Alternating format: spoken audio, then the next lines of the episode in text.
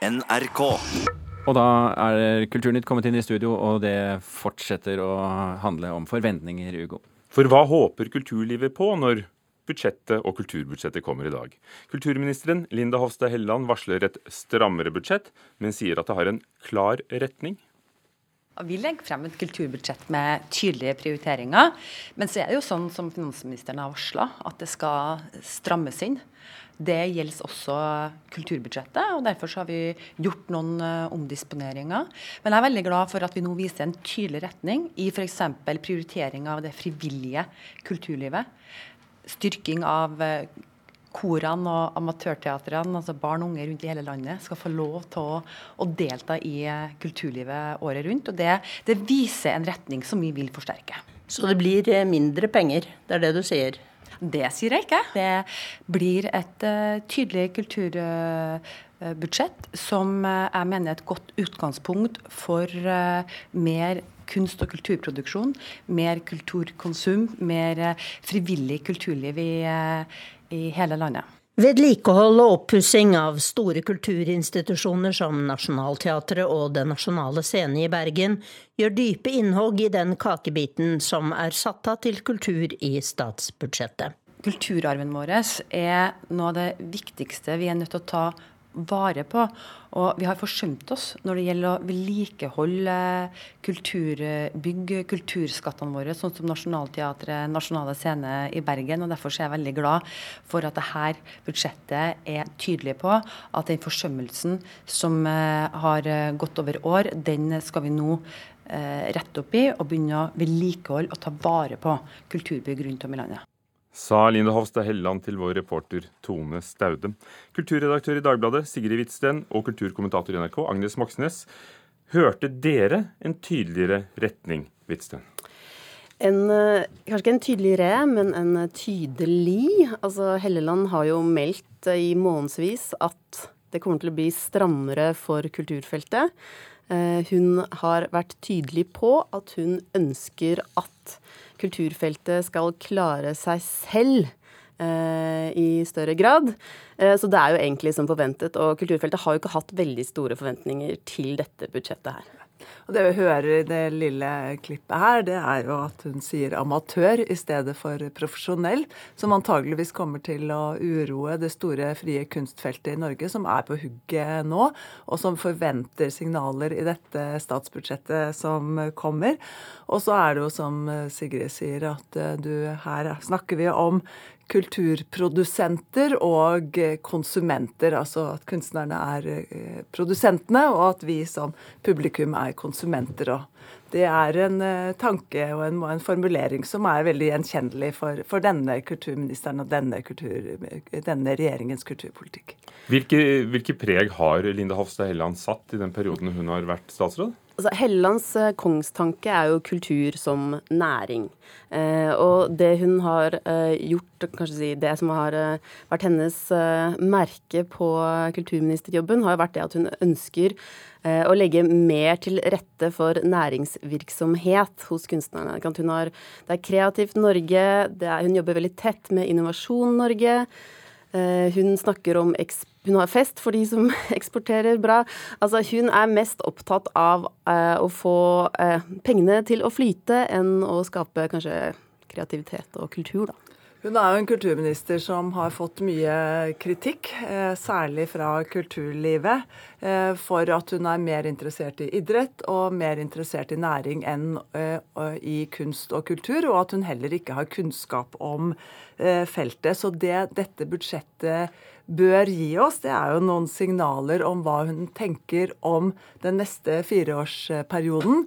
Og eh, det bør vel ligge noe i det budsjettet som kommer i dag, som viser eh, at eh, Linda Hofstad Helleland har muskler, og at hun har tenkt å bruke dem i kulturpolitikken i de fire årene som kommer. Så der har jeg noen forventninger, rett og slett, at det kan skje ting som vi kan lese da klokka ti i dag. Det handler da om bare penger, eller kan disse bruken av pengene vise ideologien? Eh, bruken av pengene viser jo helt klart. Altså, Helleland jo, kjører jo ren høyrepolitikk, og det er jo greit nok. Men man kunne jo ønske at hun også viste at hun kjempet litt mer for kulturfeltet. Eh, er dette Dagbladets holdning?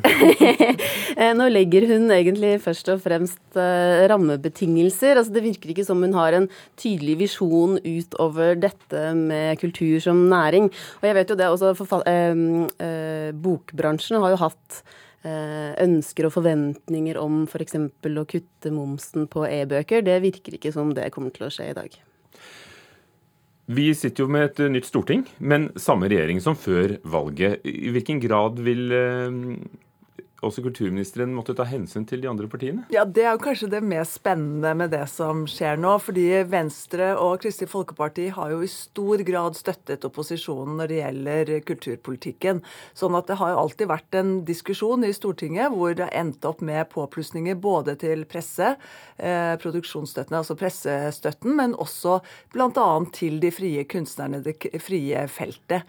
Eh, og nå er jo altså da er Stortinget en sånn situasjon at eh, med Kristelig Folkeparti og Venstre og resten av, av opposisjonen mot seg, eh, så har ikke regjeringen flertall.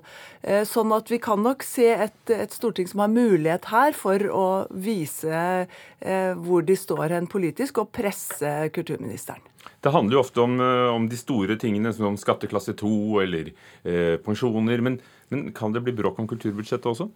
Det er alltid litt eh, bråk om eh, kulturbudsjettet. Eh, jeg må innrømme at etter å ha hørt Helleland i dag, så kommer, vi nok, kommer nok vi til å lete etter kutt, først og fremst. Og finne ut hvor de er i årets budsjett. Og det er jo bl.a. av pressestøtten. Der er det jo store forventninger. For det var jo en gjennomgang av mediemangfold i året som, som, gikk, som viser at det er en kritisk situasjon for norsk eh, presse. Eh, og det forventes det nok i, i mediekretser at det skal komme et, et eller annet svar på. Blir det Hellelands eh, siste budsjett? Det kan hende at kulturlivet håper på det. Eh, ja, det kan være. Hun har vært, eh, hun er blitt utsatt for mye kritikk. Men eh, nå har hun dette budsjettet å vise hva hun eh, kan få til på. Og så får vi se da når den skal legges nye regjerings... Eller altså nye Hvis Venstre skal inn i regjeringen, så kan det jo bli muligheter for noen utskiftninger. Og så tar vi med at Aftenposten skriver at det de vet, er at hun lover 8 millioner kroner til et nytt Ibsen-teater i Henrik Ibsens gamle leilighet, som er Ibsen-museet, i samarbeid med både Norsk Folkemuseum og Nationaltheatret. Men det er vel den største lekkasjen? Det er flott. Men hvis det er den største lekkasjen, så har vi ikke mye å se fram til. Sigrid Hvitsten, kulturredaktør i Dagbladet. Agnes Moxnes, kulturkommentator i NRK. Takk skal dere ha.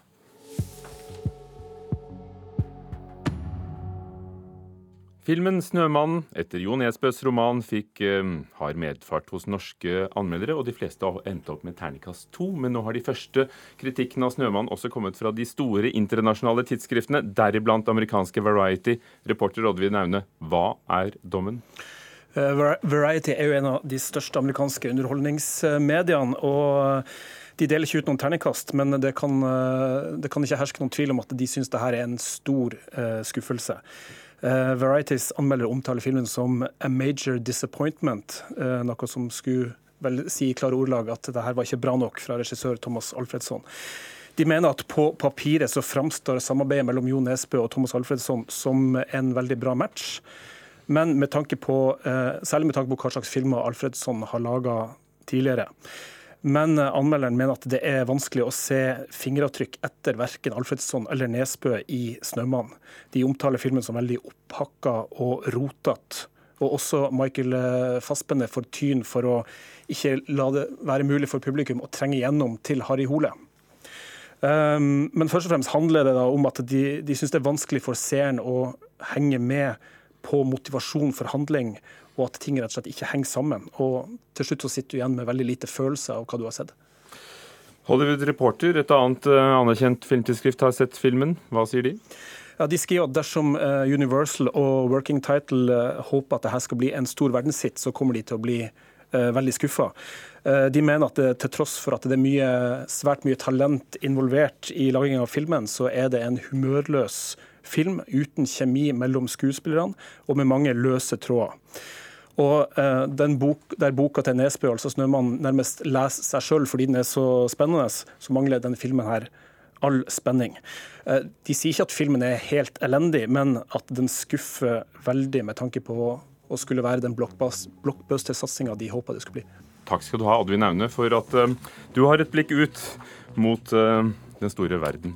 Dette er Nyhetsmorgen i NRK P2. Etter Dagsnytt skal vi høre om FNs nye rapport, som slår fast at de militære ikke bare jager den muslimske minoriteten ut av Myanmar, men også ødelegger alt det folkene eier. Klokken er straks halv ni.